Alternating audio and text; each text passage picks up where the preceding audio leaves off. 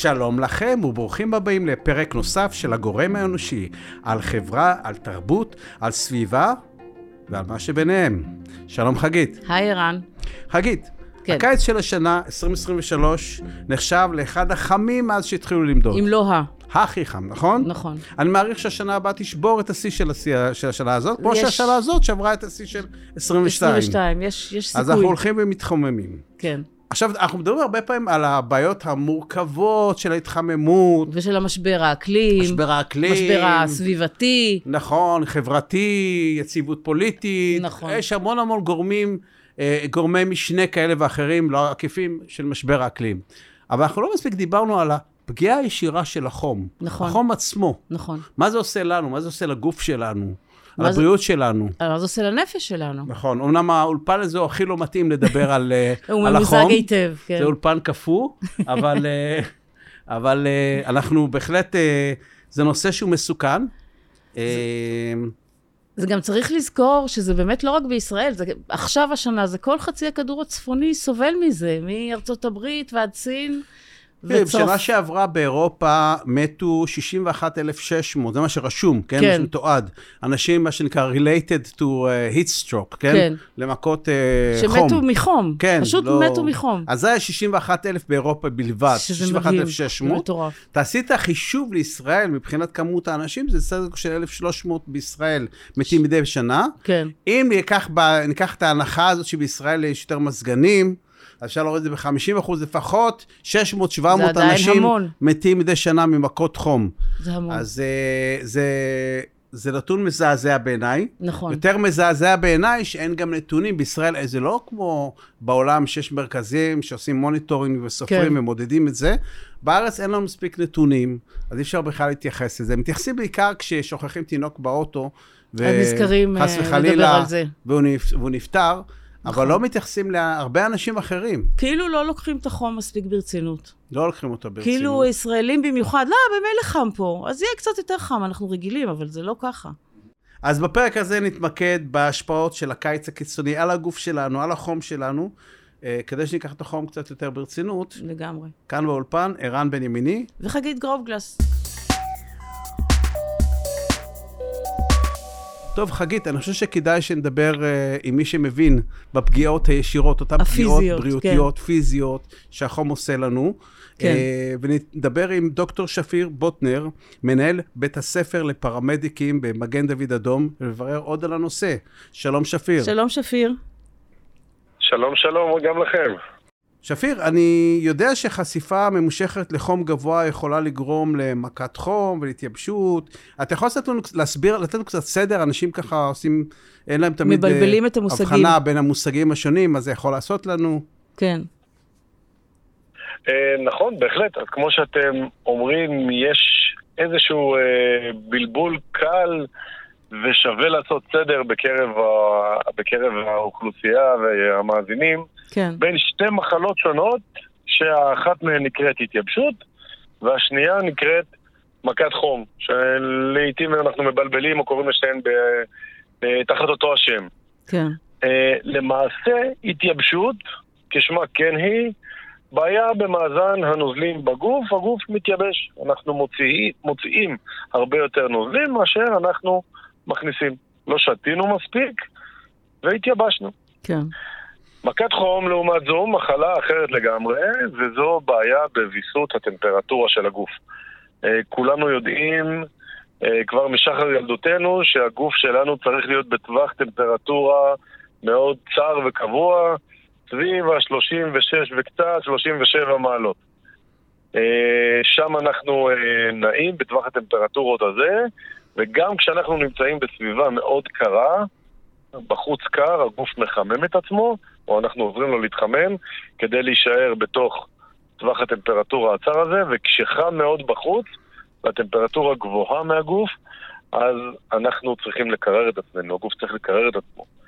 ובעצם במכת חום, כאן מתחילה הבעיה, הגוף לא מצליח לקרר את עצמו, ומתחיל להתחמם. וזה לא קשור להתייבשות, זה שני דברים שונים כמו שאמרתי. אתה יכול להיות, העניין, אה, אתה יכול להיות עם, אה, מאוזן מבחינת הנוזלים, אבל עדיין לקבל מכת חום. בדיוק, לצורך העניין יכול להיות שאני אחליט לעשות מעשה פחות חכם, נקרא לזה ככה, ולהתחבר לבקבוק מים, אבל לצאת לריצה באמצע היום בגל חום, כמו שאנחנו חווים השנה. כן. אז מצד אחד, משק הנוזלים בגוף שלי יהיה בסדר, אבל הטמפרטורות יעלו, ואני בהחלט יכול לסבול ממכת חום שעלולה להיות קטלנית לחיים. זאת אומרת, זו מחלה קשה שהורגת. מה, למה... מה קורה שם? מה קורה כן. מבחינה פיזיולוגית? אז למעשה, כמו שאמרתי, הגוף שלנו מבוסת בטווח טמפרטור, טמפרטורות מאוד אה, אה, צר, מכיוון שמה שקורה כשהטמפרטורות עולות, קודם כל כולנו חווינו את זה כשאנחנו חולים ועולה לנו החום, זה בעצם אותו הדבר, אז אנחנו מרגישים לא טוב, מרגישים, רק מעצם זה שעלה לנו החום אנחנו מרגישים לא טוב, חולשה, כאבי שרירים, כואב לנו הגוף, מרגישים לא טוב, בחילות, סחרחורות, אה, בלבול וכיוצא בזה. זה עוד במצב שהוא אה, ניתן לטיפול ובאופן אה, קל יחסית אם אנחנו מקררים את הגוף, אבל כשהטמפרטורות עולות מעבר ל-42, 41, 42 מעלות, מתחילים להיווצר שינויים בגוף שממש גורמים לנזקים שהם בלתי הפיכים. ואחד האיברים שנפגעים בצורה הכי קשה אה, וראשונית זה המוח שלנו. המוח שלנו בנוי מהמון, אה, בסופו של דבר הם יורדים לרמת המולקולות, לרמת חלבונים. והחלבונים נפגעים בחום, המבנה שלהם נפגע בצורה בלתי הפיכה. אם אני רוצה לתאר את זה למאזינים כדי שיבינו את זה בצורה הכי טובה, כולנו ראינו מה קורה למוצר שאנחנו מכירים כולם ובנוי מחלבונים, וזו ביצה. כששוברים ביצה ושמים אותה על מחבת חם, מה שקורה, הביצה משתנה, החלבון השקוף הזה נהיה לבן, החלבון, החלמון, שהוא גם הוא בנוי בחלבונים, הצהוב נהיה קשה, ולמעשה אין דרך חזרה. החלבונים בחום מאבדים את המבנה המרחבי שלהם, ולא יכולים לחזור אחורה, וזה מה שקורה. המוח שלנו פשוט עובר טיגון, אם תרצו לקרוא לזה. ככה, נהרס, ואי אפשר להחזיר את הגלגל לאחור. אנחנו אה, לא יכולים לחזור אחורה, המוח שלנו פשוט נפגע בצורה כזו שאנחנו יכולים, אה, כמו שאמרתי, להגיע לפגיעה מוחית קשה ועד מוות. כאשר קורה דבר כזה, מה הסימפטומים? אז, אז יש לנו מגוון של סימפטומים תוך כדי העלייה של החום, אז בהתחלה, כמו שאמרתי, אנחנו מתחילים להרגיש לא טוב, קצת חולשה, כאב ראש, אה, בלבול, אולי קצת סחרחורת, אה, ודי מהר ההכרה שלנו כי הטמפרטורה מתחילה לקפוץ, ואל תשכחו שזה לא טווח מאוד גדול של טמפרטורה, סך הכל עלינו מ-37 ומשהו, 3-4 מעלות למעלה, ואנחנו כבר בטווח מאוד מסוכן. אה, אז אנחנו מתחילים להיות, לאבד את ההכרה, אה, לא להיות מסוגלים לשלוט במה שאנחנו אה, רוצים או צריכים לעשות, ואם הייתה לנו חשיבה הגיונית של, וואו. רגע, חם לי, אני צריך ללכת להתקרר, אני מאבד גם את זה, מתמוטטים, החום ממשיך לעלות, כי הגוף בעצם חייב כבר קירור מבחוץ, לא מסוגל לקרר את עצמו, ופגיעות מאוד קשות ומתים. אגב, למה אנחנו לא מצליחים לקרר את עצמנו, ולמה זה קורה? אה, בימים רגילים, אנחנו, כדי לקרר את עצמנו, ימים רגילים הכוונה לא גלי חום. בגלי חום כאלו, כן, אה, אנחנו מזיעים ומאבדים חום לסביבה, וזה מנגנון הקירור הטבעי של הגוף. אה, וכשחם מאוד בחוץ, אנחנו לא מצליחים להתקרר, כמו שהאוטו שלנו, המנוע מתחמם, כי לא משנה כל מנגנוני הקירור, לא כן. מצליחים לקרר את המנוע, כן. ופתאום רואים את זה שעומד בצד ויוצאים עדים, ככה כן. בדיוק אותו הדבר.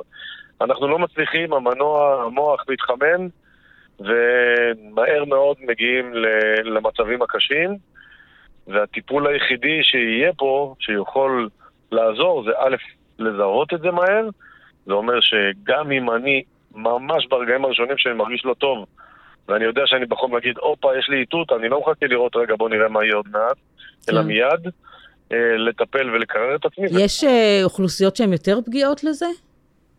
אנחנו יודעים שיש אוכלוסיות פגיעות יותר, אנחנו קוראים להן אוכלוסיות הקצה, ב- בקצוות של הגילאים.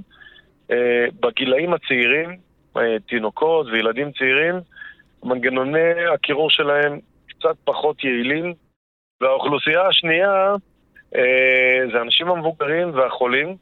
גם המצב הרפואי שלהם אה, הבסיסי הוא כבר פחות טוב, וגם המנגנוני, המנגנונים הפיזיולוגיים של הקירור כבר עובדים פחות טוב. אנחנו רואים היום אה, בגלי החום, זה לאו דווקא שינויים אצלנו, אלא שינויים בסביבה. גלי החום הפכו להיות משמעותיים יותר, הטמפרטורות גבוהות יותר, הגל נמשך זמן ארוך יותר, ואנחנו רואים אנשים שבעבר לא היו כל כך אוכלוסייה שנפגעת מגלי החום, עכשיו כן. ואני שנקרא, אני מדבר על אוכלוסייה של מה שאנחנו קוראים לה הצעירים והבריאים. אנשים בגילאים הלא מאוד מבוגרים ולא צעירים, 30, 40, צעירים כמובן, סליחה, כן. 30, 40, 50, שאם בעבר הם היו אומרים, אה, אני צעיר ובריא, אני... זה, זה לא, לא מדבר אליי, ואיכשהו זה היה עובר, זה כבר לא עובר ב... אה, בחום הנוכחי. במה עכשיו מהסביבה. נכון. אנחנו רואים, לצערי, בשנה האחרונה וגם בשנה הקודמת, החולפת, ראינו אנשים בני 30, 40 ו-50 מגיעים למצבים מאוד קשים ואפילו מוות. אה, אנשים שהלכו לעבודה, והוא עובד באיזשהו בית אריזה אצל אחד החקלאים, כן. ו... או באיזה אתר בנייה, או באיזה שיפוצניק, שפשוט מתים. אה, אין לי, אין לי איך לייפות את זה. כן. אה, כן, כן. מתים ממכת חום. מתים ממכת חום, נכון. כן, כן.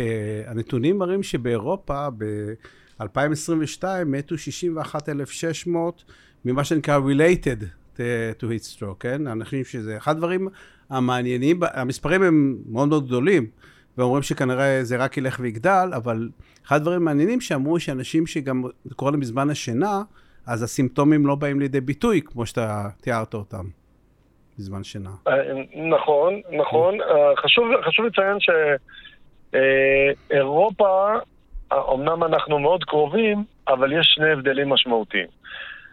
גם באירופה חווים את גלי החום שאנחנו חווים, אבל חשוב לזכור שהם ארץ, הם ארצות פחות חמות, עוד לפני הגלי חום האלה, באופן יחסי, הם ארצות שפחות חוו קיצים חמים כאלה כמונו, והמיזוג שם, או הקיום של מיזוג כמעט בכל מקום, פחות נפוץ מאשר ב- בישראל, ישראל חמה יותר, כן. והם חווים את זה בצורה קצת קשה מאיתנו, ומנגנוני ההסתגלות הפיזיים שאנחנו אה, סיגלנו לעצמנו, פיתחנו לעצמנו מהיום שנולדנו פה, אז הם מפותחים יותר אצלנו, ואצלם שהם חווים את זה רק בשנים האחרונות, האנשים עוד לא הסתגלו לעניין הזה, גם במודעות וגם בפיזיולוגיה. כלומר, אוקיי, הם יצאו חם, הם פחות מודעים אה, באופן טבעי למה שזה עלול לעשות. מנגנוני הפיצוי שלהם פחות טובים. הם גם אה, לא, לוק... להם... לא לוקחים את החום מספיק ברצינות. נכון, נכון. זה, אולי זה נראה להם ברכה בהתחלה. כן. כן, בדיוק, אה, מה, איזה יופי, משתרפים. כן, הקיץ זה אה, כיף מבחינתם. כן, בדיוק. הולך לישון בסיאסטה, הולך לישון בסיאסטה, הולך לישון בסיאסטה ולא קם בספרד, כן? וואו. כן, כן, כן, כן, אנחנו צוחקים, אבל המספרים באמת כן. אסטרונומיים, וזה לא מצחיק, כן? לא, לא מצחיק בכלל. כן. אגב, ה-CDC, אה, יש להם באתר, זה ממש מעניין, נתונים בזמן אמיתי של אה, נפגעי חום, ממש ב, גם בצורה גיאוגרפית בארצות הברית. נכון, נכון, זה מרכז, מרכז לחקר אה, ובקרה על מחלות אמריקאי, אבל הוא די אורים ותומים להרבה מדינות בעולם, גם אנחנו משתמשים בנתונים שלהם, mm-hmm. וגם הם בארצות הברית, זה, זה גלובל וורמינג, כן. זה גלובלי, אנחנו לא... כן, אנחנו לא, לא יחידים. הקטן שלנו סובלים מזה. אז זהו, אולי זה דווקא יניע את העולם לפעולה. נקווה. טוב, תודה רבה. תודה זה רבה. היה מרתק, מחדש וחשוב. תודה רבה. תודה רבה על הרעיון. תודה, תודה לכם, שנדע ימים קרירים יותר, גם במזג האוויר וגם באטמוספירה שלנו. אמן. אמן. להתראות. יישר כוח, להתראות. תודה. ביי ביי. ביי ביי. אז חגית, אנחנו דיברנו עם אותם על, על פגיעות הפיזיות שאנשים אה, אה, חווים. חווים בגלל החום הקיצוני. בגלל החום. כן. מה קורה עם אנשים בחוץ? אז זהו, שאנחנו, בשעות הצהריים נגיד, אתה באמת רואה, אין הרבה אנשים שמסתובבים בחוץ מרצונם. אבל יש אנשים שעובדים בחוץ. עובדים בחוץ, נכון? כן, אפילו די הרבה, אז מחקלאים? כאילו... מחקלאים? חקלאים, עובדי בניין, טכנאים, אינסטלטורים. אה, גם שליחים. שליחים. נכון? איך הם מל- מתמודדים עם החום? מלצרים לפעמים. אז אולי נדבר עכשיו עם עורך דין דיאנה ברון, שהיא מנהלת המדיניות הציבורית של ארגון קו לעובד. אני בעד. שלום דיאנה. שלום, דיאנה. היי, שלום לכם ותודה רבה על ההזמנה. את יכולה לספר לנו קצת על קו לעובד? כן, בשמחה. אמ, אז, אה, אז קו לעובד זה ארגון שהוקם אה, לפני למעלה מ-30 שנה כדי אה, לתת מענה לעובדים הכי מוחלשים במשק, אלה שלא נמצאים תחת הזרקור הציבורי ביום-יום. אמ, אה, זה אומר פלסטינים, אה, מהגרי עבודה, אה, ישראלים בשכר נמוך, מבקשי מקלט, והארגון גם נותן מענה פרטני. וגם פועל בזירה הציבורית, בין אם בכלים משפטיים, כלי קידום מדיניות, כדי לקדם את הסוגיות שרלוונטיות לאוכלוסיות האלה. ותגידי, ואיך חום יכול להשפיע על אנשים שעובדים בחוץ? אה, אז תראה, אני, אני סך הכל עורכת דין, אה, אני לא, אני לא רופאה, אני לא גאותנית, אבל אה, ממה שאנחנו מכירים, אז החום בהחלט מהווה גורם סיכון גאותני משמעותי בשביל פגיעה בבריאות של עובדים. אנחנו יודעים שזה יכול להוריד את הקוגניציה ולסכן את העובדים גם ב... ב... מי שעובד או עם, שעובדים עם, בכלים עם מכשירים מסוכנים או עובדים במקומות שעובדים גבוהים. במכשירים מסוכנים, בדיוק, וצריכים אה, ריכוז אה, משמעותי, אז אה, זה יכול לגרום חלילה לתאונות עבודה. אבל גם עובדים שעובדים בעומס חום, בעבודות כפיים, עבודות פיזיות, אז הם יכולים להתייבש, במקרה קצה לחטוף דום לב ואפילו למות. רק שבוע שעבר בדיוק היה מקרה של עובד שחטף דום לב באתר בנייה בגלל עומס חום. כן. אה, למרבה המזל, להבנתי, הצליחו אה, להחיות אותו, אבל אה, לא בכל מצב זה, כן. זה, זה מה שקורה. אנחנו, אנחנו שומעים בעיקר על מקומות רחוקים כמו קטר ופועלי בניין. אין, אין מספיק נתונים מה קורה בארץ מבחינת הפגיעות האלה. אין איזה, יש איזה מנגנון רישום או מידע, או תקנות אפילו. אה, לא, למרבה הצער לא. קודם כל, עומס חום לא מוגדר באופן אה, רשמי כ, אה, כגורם אה, מזיק לבריאות, אה, באמצעות פרשנות אה, מצליחים להכניס את זה לתוך התקנות הקיימות, אבל בחקיקת הבטיחות בישראל אין תקנות ייעודיות לעבודה באקלים קיצוני. ואקלים קיצוני זה אומר או עומס חום, או למשל ב- ברוחות חזקות, ב- במנזרים כבדים, גשמים, ברד. כן. וזה זה למשל אחד הדברים שמאוד חס- חסרים בחקיקה הישראלית, כי אין קריטריונים. כן. כדי, אמ, אם חושבים על חיילים למשל בצבא, אני זוכרת כשאני אה, הייתי בצבא, אז כשהיה עומס חום שלוש, היה עומס חום ארבע, אז הרס"ר אמר שאסור לעבוד בין השעות ככה וככה בעבודות רס"ר או עבודות פיזיות. זאת אומרת, הצבא. הצ- הצבא כן ידע להתאים את עצמו למצב הזה. נכון, הצבא יש לו גהותנים אה, ו- ורופאים. למרבה הצער בשירות המדינה אה, אין כמעט אה, אה, רופאים או גהותנים שעוסקים ב- בעצם בממשק הזה בין אה, עבודה לבריאות. הנושא הזה בכלל לא מדובר, ובגלל זה גם הרגולציה הישראלית היא מאוד מאוד חסרה. אה, אז אם אנחנו מדברים גם על עובדי חקלאות למשל, אה, עובדי ענף הבנייה, עובדי תברואה, הרבה פעמים זה האוכלוסיות הכי מוחלשות, מהגרי נכון. עבודה מתאילנד. אה, מהגרים מסין, עובדים פלסטינים, מבקשי מקלט, ואלה אז- האוכלוסיות אז שפחות בגלל, מדוברות. בגלל זה, זהו, בגלל זה זה לא כל כך מעניין אה, את הרשויות, את אומרת? דווקא בגלל שהאנשים האלה הם הכי מוחלשים. תראי, זה, אמ, אני חושבת שיש כאן איזה אמ, אה, משהו שהתגלגל לאורך השנים, שאף פעם לא טופל כמו שצריך, כן. אה, אולי כי היה נוח גם להתעלם ממנו. אבל כן. עכשיו, עם משבר האקלים, והעובדה שהתופעות האלה רק ילכו ויחריפו, אני חושבת ש, ש, שאי אפשר כבר להעלים עין. אה, לפני כמה שנים מדינת ישראל קיבלה החלטת ממשלה אה, מאוד מקיפה לגבי התמודדות מישראל עם משבר האקלים הממשמש ובא, עכשיו הוא כבר לא ממשמש ובא, הוא כבר כבר. הגיע, כן. כן, ולא הייתה שם שום התייחסות לבריאות עובדים. כן, הייתה נגיעה בבריאות הציבור, אבל uh, מי לא לקח uh, חלק בהחלטה הזאת? משרד העבודה, או אז זה היה זרוע העבודה במשרד הכלכלה, אבל אין שם שום התייחסות לבריאות העובדים, כן. ואיך העובדים יושפעו ממשבר האקלים. יהיו לנו יותר ימי חום. בסדר, אז צריך לראות איזה הנחיות uh, מפרסמים, מתי עבודה בעומס חום היא אסורה. עובדי התברואה של נכון. העיריות נמצאים בחוץ כל היום, עובדי הבנייה. עובדים בלחץ זמני מטורף, אף אחד לא עוצר את הבנייה כי חם. או, או, או מנופאים לצורך העניין. אה, מנופאים יש אה, גם הרבה מאוד ישראלים, ישראלים אה, ממעמד סוציו-אקונומי נמוך, שעובדים כמנופאים ברוחות עזות, ואין קריטריונים מתי עוצרים את העבודה של המנוף כשהרוחות חזקות מדי. אז רואים את העלייה בפגיעות? כאילו יש יותר כן, נפגעי עבודה השנה? כן. אנחנו, בקו לעובד יש לנו מאגר נתונים שגם מפורסם לציבור. שמתעד את uh, תאונות העבודה הם, הם, uh, ברמת פגיעה בינונית וקשה. כל פעם שמד"א או איחוד הצלה, כיבוי אש, מוקפצים למקום, אז אנחנו אוספים ומתעדים ומפרסמים. אז בשנת 2023 יש את מספר הנפגעים הכי גבוה בחמש השנים האחרונות. זאת אומרת, מאז שהתחלנו לתעד את זה. Mm. וגם מספר ההרוגים, אבל גם מספר הנפגעים. תגידי, שאלה לי אליך, יש, יש איזו יוזמה לקדם תקנות בנושא של חום או, או אקלים קיצוני? אנחנו חברים בפורום האקלים, ואנחנו, mm-hmm. זאת בדיוק היוזמה שאנחנו אה, אה, מבקשים לקדם, התקנת תקנות בטיחות וגאות ייעודיות לעבודה באקלים קיצוני, אבל זה מחייב את ההירתמות של, של הרגולטור, של משרד העבודה, שנכון להיום אה, לא עוסק כמעט בנושאי אה, אה, בטיחות, סליחה, גאות ובנושאי בריאות תעסוקתית מעט אם, אם בכלל. אין במשרד העבודה משאבים שמוקצים לנושא הזה, יש רק רופא תעסוקתי אחד, שניים וחצי, שלושה גאותנים על כל הארץ, על, כן. על עשרות אלפי מקומות עבודה בישראל. זה... זה לא מספיק. לא, ברור. אבל ארגוני, ארגוני, כמעט כל ארגוני הבריאות כבר מכירים בסכנה הזאת. אה, דיברנו על ה-CDC שעושה בעצם monitoring אה, לדבר כן. הזה בארצות הברית. כן. ואת אומרת שבישראל אין אה, איזושהי התייחסות לנושא הזה.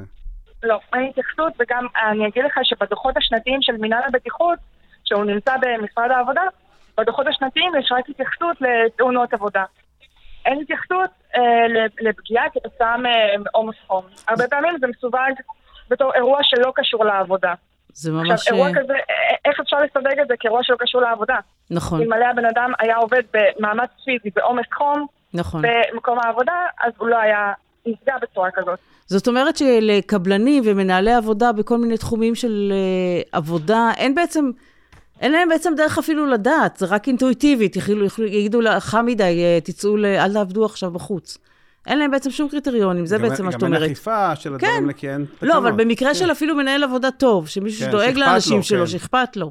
אני, אני אגיד אבל יותר מזה, גם אם היו קריטריונים, אנחנו נמצאים ב, ספציפית בענף הבנייה ובחקלאות, אז אנחנו נמצאים ב, ב, בשוק עבודה שכבר היום אה, מעלים עין מקריטריונים קיימים ומהנחיות בטיחות קיימות. זו גם חלק מהסיבה למה יש הרבה פגיעה בעובדים שלא כן. נגרמת אה, כתוצאה ממשבר האקלים. כן. אז לא רק צריך לגבש קריטריונים, אלא גם צריך... אה, אה, אכיפה. להדריך, להדריך את הציבור, וגם אה, ברגע שהוא לא יבצע את ההנחיות אה, הנדרשות, גם לאכוף ולהטיל סנקציות. זה חייב לבוא אחד עם השני, אחרת המצב לא ישתנה. נוח להעלים עין, נכון. במיוחד כשמדובר בעובדים שלא יכולים להרים קול ולדבר בשם עצמם, כי הם לא מדברים את השפה, או כי אין להם את הכוח מיקוח שיש לעובדים חזקים יותר. נכון מאוד. טוב, דיאנה, אני מאוד מקווה זה... שתהיה איזושהי התייחסות, ואם לא, אז אני מציע שכולנו ביחד ננסה לפעול בנושא הזה כדי שהמדינה כאן לגמרי. תעשה משהו. לגמרי, מוכרחים לעשות משהו בעניין הזה. תודה רבה על הריאיון. אני מודה לכם, ותודה על, על הפלטפורמה לדבר על הנושא המאוד אה, חשוב מאוד חשוב. תודה מאוד לך, חשוב. תודה על העבודה החשובה שלך. תודה. תודה. להתראות. ביי. אנחנו מדברים כל הפודקאסט הזה על ההשפעות של חום קיצוני, אנחנו מבינים שזה משפיע על הגוף שלנו, זה משפיע גם על התפקודי מוח, על הקוגניציה שלנו, אבל לא רק זה, זה גם משפיע על הנפש שלנו. אז האם המזג אוויר קיצוני, אם מזג אוויר חם באופן קיצוני, יש השפעה על ההתנהגות שלנו? אנחנו נדבר על זה עם דוקטור קרני קריגל, סוציולוגית וחוקרת באוניברסיטת בר אילן, וראש תחום הלימוד במשפחה בבית הספר הכשרות של משרד הרווחה. שלום קרני. שלום, שלום. שלום. אז מה עושה גל חום ממושך לנפש שלנו? מה, מה עובר עלינו? כן, אז ברמה הכי אינטואיטיבית הרי כולנו עצבניים יותר שחם לנו, נכון? נכון. אבל יש לזה גם הוכחות מדעיות, אה, כי יש גוף מחקרי, אה, גוף ידע שלם שמתפתח, שבעצם חוקר איך אנחנו אה, כחברה נושפע ובעצם כבר מושפעים כן, ממגמת ההתחממות הגלובלית ומהתופעות האקלימיות שנלוות אליה. כן. גם ארגון הבריאות העולמי כבר מזמן מזמן הכריז על משבר האקלים כגורם סיכון מרכזי לבריאות הציבור. כן. אז באמת יש, יש דיווחים על עלייה במחלות לב, בשבץ מוחי, בתחלואה נוספת שקשורה לחום. אבל כמו שאמרת, באמת החום פוגע לא רק בבריאות הפיזית, אלא גם בנפשית. אה, ואני יכולה להגיד למשל, אה, לציין מחקר שנעשה ביוון, שמצאו שם אה, עלייה בשיעורי התאבדויות לאחר גל חום קיצוני. אז בעצם החוקרים שם חשבו בהתחלה שזה קשור לאבטלה שגאתה שם באותה תקופה, אבל להפתעתם הם מצאו שהקשר לטמפרטורה ולחום הקיצוני הייתה גדולה יותר, והיא זו שהשפיעה יותר על שיעורי ההתאבדויות. זאת אומרת שיש קשר בין חום קיצוני להתאבדות, זאת אומרת לאיזשהו קיצוני, מצב קיצוני גם מבחינה נפשית. בדיוק, אז זה, זה משפיע על הבריאות הפיזית, על הבריאות הנפשית וגם על ההתנהגות.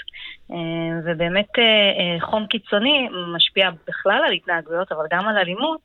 ממש מחקר שהתפרסם לא, לא מזמן, שנעשה בהודו, והצליב חום קיצוני והתנהגויות שונות, הראו שם איך בימים חמים יש עלייה חדה בשיעורי הפשיעה האלימה במרחב הציבורי. בעצם הם הראו איך כל מעלה בטמפרטורה, שעולה מעל הממוצע אה, באותו יום, גרמה באופן סיבתי לעלייה בשיעור אה, פשע אלים. במרחב הציבורי. יש וזה מח... קורה יש... לא רק במרחב הציבורי, אלא גם במקום הכי מוגן כאמור, הבית. כן, בתוך הבית. כן, לא, אבל רק לפני כן, יש אה, עוד מחקרים שקושרים בין אלימות לחום קיצוני, לא? בעולם. כן, אה, נכון, אז אה, בש... יש... המחקר מהודו הוא ממש התפרסם לא מזמן, אז לכן ציינתי אותו, כן. אבל יש גם מחקר ישן יותר שנערך בשיקגו, כן. ומצאו שם עלייה באלימות במרחב הציבורי, אבל רק בשכונות מוחלשות יותר של העיר ולא בשכונות העשירות. אחד ההסברים היה באמת אה, בגלל תופעה שנקראת אה, עוני אנרגטי, שבשכונות מוחלשות, בשכונות עוני, מצוקה, אה, למי שגר שם פשוט אין את הכסף לשלם על מזגן. אמצעי קירור, בדיוק, mm. אמצעי קירור ועל מזגן, ולכן הבית לא מספיק להתקרר, והחום שעולה מביא איתו גם להתנהגויות קשות, כי גם יוצאים החוצה. כן, ו... כן זה גם שכונות שהן בנויות. בנויות יותר צפוף, אין בהן עצים, זה שכונות שהן גם יותר פיזית יותר נכון. חמות. בדיוק. אז מה, רגע, אז מה, כן. מה, מה קורה, זה מעניין, מה קורה בתוך הבית? אז, אז מה קורה בתוך הבית? אז uh, בתוך הבית זה באמת uh, uh, סיפור דומה, אך uh, עם uh, מאפיינים שהם הרבה יותר מגדריים. כן. כן. הרבה יותר מגדריים, ובאמת אה, אה, נמצא שנשים סובלות יותר. אה, אם דיברנו על אלימות בכלל, אז, אז בפרט אפשר לדבר על אלימות מגדרית בתוך הבית. אבל, אבל לפני כן, אם אני מדברת רגע על ההקשר המגדרי, אז, אז גם בהיבט הבריאותי-פיזיולוגי, נמצא שנשים סובלות יותר. למשל, למה? נשים בהיריון, למשל, נמצא שנשים בהיריון סובלות יותר מרעלת הריון בחום קיצוני.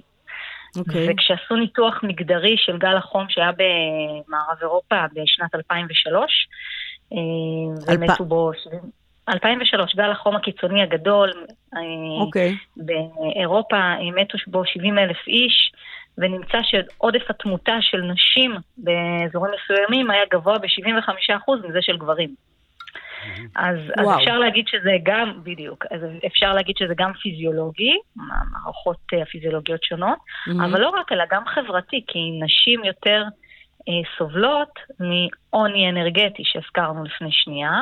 כן. בגלל תופעה שהיא... אה, שהיא כלל עולמית של פמיניזציה של העוני, שכשמדברים על עניים זה בעצם הרבה יותר עניות מעניים.